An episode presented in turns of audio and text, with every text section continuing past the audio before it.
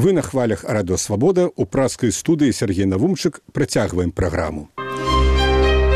У бібліятэцы свабоды 21 стагоддзя выйшла чарговая кніга нечаканы скарына Сергея абламейкі. Кніга складаецца з культуралагічнага эсэ ў 25 частках і аўтарскіх інтэрв'ю з беларускімі і замежнымі навукоўцамі пра новыя знаходкі ў скараназнаўстве. Прэзентацыя кнігі адбудзецца 29 траўня 1830 у літаратурным музеі Масіма Богдановича, вуліца Масіма Богдановича 7А у Менску. Уваход вольны. Таксама кнігу можна замовіць праз наш сайт на адрасе свабода кропка орг. А зараз фрагменты кнігі. Чытае Сергей Абламейка. Навукоўцы раней шмат спрачаліся, на якой менавіта мове скарына выдаў біблію. У наш час такіх спрэчак амаль няма. Нават у вікіпедыі можна прачытаць, што скарына выдаў біблію на царкоўнаславянскай мове беларускай рэдакцыі.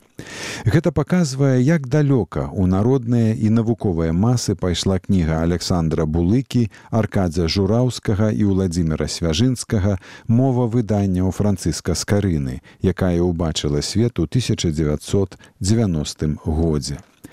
У 80-е гады два стагоддзя у лінгвістыцы быў шырока распаўсюджаны так званы квантытатыўны метад або статыстычны аналіз лексычнага складу мовы. Аўтары згаданай кнігі ўзялі пэўныя ўрыўкі з праскіх выданняў з карыны і падлічылі колькасць царкоўнаславянізмаў і беларусізмаў. Аказалася, што нідзе колькасць беларусізмаў не дасягае 50 процентаў. Напрыклад, у трэцяй кнізе царства ў іх 43,6 процента, у кнізе руф 42,9 процента і так далей. На гэтай падставе аўтары зрабілі выснову. Цытую. Паколькі ніводная з вывучаных кніг з карыны практычна не змяшчае менш чым 50 процентаў царкоўнаславянізмаў і ў ніводнай з іх процент беларусізмаў не дасягае 50 процентаў, іх нельга лічыць перакладам на беларускую мову. Канец цытаты. З гэтага рабілася выснова, што мову выданняў з карыны трэба адносіць да беларускага варыянту царкоўнаславянскай мовы. Ужо адразу пасля выхаду кнігі яе аўтарам закідалі абмежаванасць аб'ёму прааналізаваных фрагментаў, няясны статус агульных словаў старабеларускай і царкоўнаславянскай моваў, а таксама чэшскай польскай лексікі ў статыстычнай табліцы змешчанай у выданні. Тым не менш, яшчэ і сёння філёлегі нярэдка паўтараюць высновы манаграфіі 90 -го году.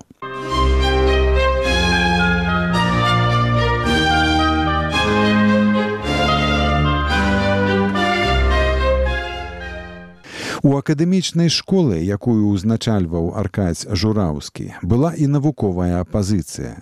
Яе ўдзельнікі групаваліся вакол прафесара БДУ Льва Шакуна, які лічыў мову выданняў з карыны аўтарскім варыянтам і дыялектам старабеларускай мовы.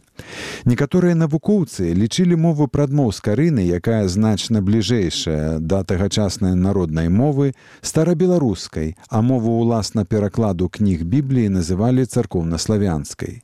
Нарэшце існавала думка, што і дыялект з карынай з'яўляецца унікальнай, адзінкавай у сваім родзе гібриднай сумесю старабеларускай, царкоўнаславянскай, чэшскай і польскай моваў з дамешкам германізмаў.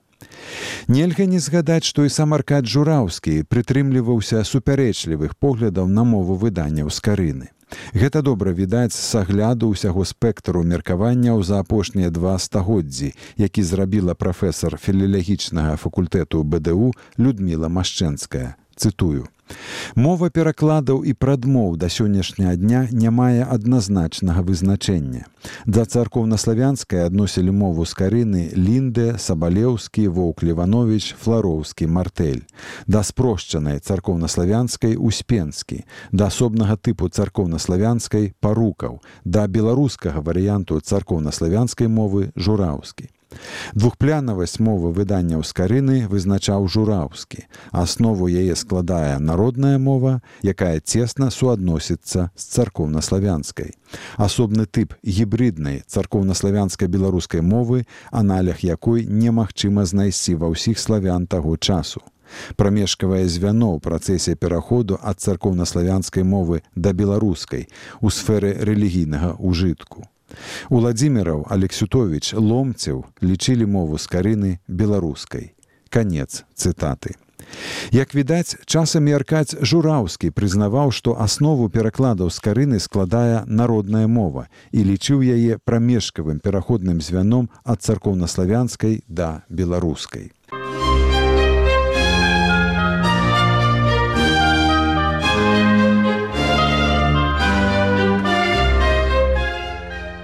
Зрэшты, я не выпадкова сказаў, што цяпер спрэчак пра мову з карыны амаль няма памалу ўсё ж спрачаюцца. Напрыклад, тая самая прафесарка Людміла Машчэнская лічыць, што галоўнай мэтай дзейнасці з карыны было зусім не асветніцтва, але стварэнне новай светскай літаратурнай мовы. Яна лічыць, што з карыны грунтаваўся на моўных ідэях дзеячоў італьянскага рэнесансу, якія заклікалі да выкарыстання народных моваў.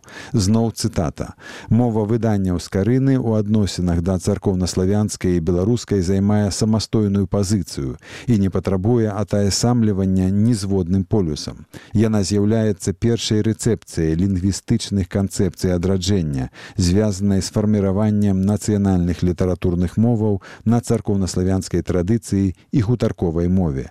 З пазіцыі знешняга погляду сучасных даследчыкаў мова з карыны з'яўляецца гібриднай царкоўнаславянскай беларускага зводу па тэрміналогіі мікіты толстога славена-беларускай, але з пункту гледжання асветніка яна была асобнай літаратурнай мовай рускай славена-рускай канец цытаты. Тэрмін славена-руская канечне з карыны тут прыпісаны. Сам першадрукар сваю мову называў рускай. Адрозную ад канцэпцыі машчэнскай пазіцыю у наш час прадстаўляе вядучы навуковы супрацоўнік аддзелу гісторыі беларускай мовы акадэміі навук беларусі Ірына Буцько.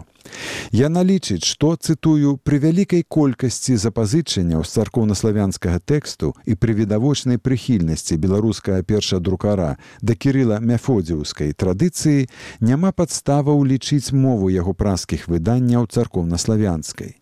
Беларускі першадрукар прапанаваў своеасаблівую моўную мадэль, абапіраючыся на кніжную традыцыю, закладзеную старажытнымі славянскімі асветнікамі і на народную традыцыю, узорам якой для яго паслужыла перакладчыцкая дзейнасць чэшскіх рэфарматараў. Конец цытаты. І адназначна Ірына будзько уключае моўную мадэль з карыны ў кантэкст і прастору старабеларускай літаратурнай мовы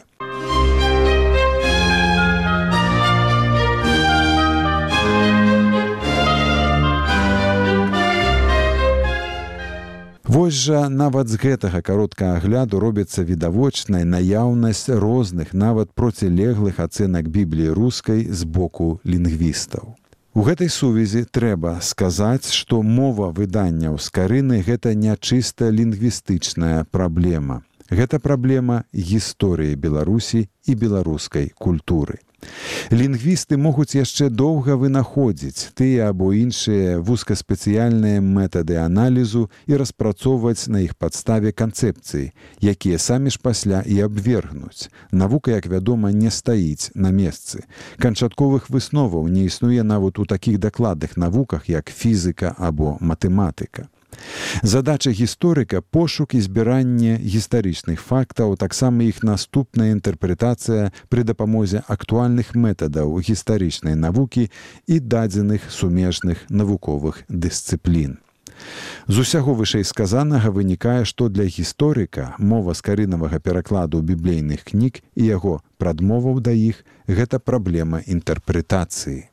Намер скарыны выдаць біблію па-руску старабеларуску выкладзены ўжо ў назве выдання біблія руска. Гістарычны факт Перакананне скарыны, што свой намер ён ажыццявіў, выяўленае ў шматлікіх прадмовах фразамі накшталт, вылажаны доктарам францыскам скарыную і славнага града полацка на рускі язык, зуполне вылажаны на рускі язык, казалось мне ціснуць і кнігу святого Іова рускім языком, гэта гістарычны факт. Перакананне дзеючаў 16-17 стагоддзяў кароль Жгемонт Аўгуст або мітрапаліт Антоній сялява. У тым, што скарына выдаў біблію па-руску або чытай па-стара-беларуску, гістарычны факт. Прысутнасць вялікай колькасці тагачаснай беларускай лексікі ў ягонай бібліі таксама гістарычны навуковы факт, установлены сучаснай лінгвістыкай. Такім чынам, значная прысутнасць у мове скарыны беларускага лексычная і граматычнага кампанентаў побач з ацэнкай гэтай мовы з боку самога першадрукара дае гісторыку падставы назваць мову праскіх выданняў скарыны адным з варыянтаў старабеларускай літаратурна-пісьмовай мовы і лічыць яе значным этапам у гістарычным развіцці беларускай мовы. Скарына хацеў перакласці біблію на старабеларускую мову і так або іначай свой намер ажыццявіў.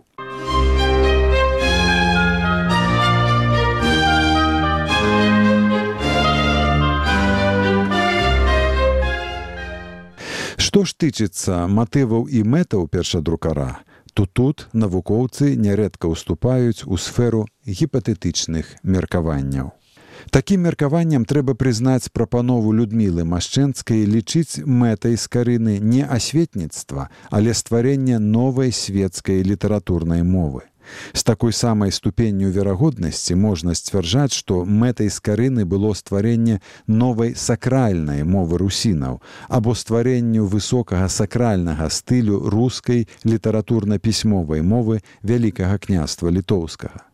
Праблема толькі ў тым, што сам скарына пра гэта нідзе ніколі нічога не сказаў. І вось гэта гістарычны факт. Біблія руска стала працягам ідэй Данте. Мы ведаем гістарычны кантэкст, у якім развівалася дзейнасць скарыны. На яго не маглі не ўплываць ідэі італьянскага рэнесансу пра стварэнне новых нацыянальных моваў. Гэтыя ідэі былі канцэптуальна выкладзены ў двухтамовым трактаце Данте де вульгаре элоквенція аб народным красамоўстве, напісаным у 1304 сёмым годах. Славуты паэт ставіў пытанне пра патрэбу стварэння вярхамі грамадства новай мовы для народу шляхам выкарыстання народных італьянскіх дыялектаў. Ідэі Данте былі падхопленыя яго паслядоўнікамі ў Італіі і іншых краінах заходняй Еўропы. У наступныя стагоддзі яны сталі падставай для фарміравання новых нацыянальных моў. Дзейнасць скарыны цалкам укладаецца ў гэтае рэчышча. Людміла Машчэнская таксама прызнае, што мова выданняў скарыны з'яўляецца першай рэцэпцыяй лінгвістычных канцэпцый адраджэння, звязанай з фарміраваннем нацыянальных літаратурных моў на царкоўнаславянскай традыцыі і гутарковай мове, але робіць пры гэтым парадаксальную выснову, што мова бібліі рускай у адносінах да царкоўнаславянскай і беларускай займае самастойную пазіцыю і не патрабуе атаясамлення нізводным полюсам. Гэта выснова лінгвіста, але не гісторыка. Чаму ж не патрабуе, калі дзеячы адраджэння стваралі новыя мовы для сваіх народаў з выкарыстаннем народнай лексікі. Для якога народу перакладаў і выдаў біблію з карына, не для нямецкага, польскага або балгарскага. Ён выдаваў яе і пра гэта шмат разоў напісаў сам для сваіх братоў Русі, людзей паспалітых. Это значыць для феадальнай беларускай народнасці, якая тады ўжо існавала. Адпаведна, і мова бібліі рускай так ці іначай стала адным з варыянтаў старабеларускай пісьмовай мовы.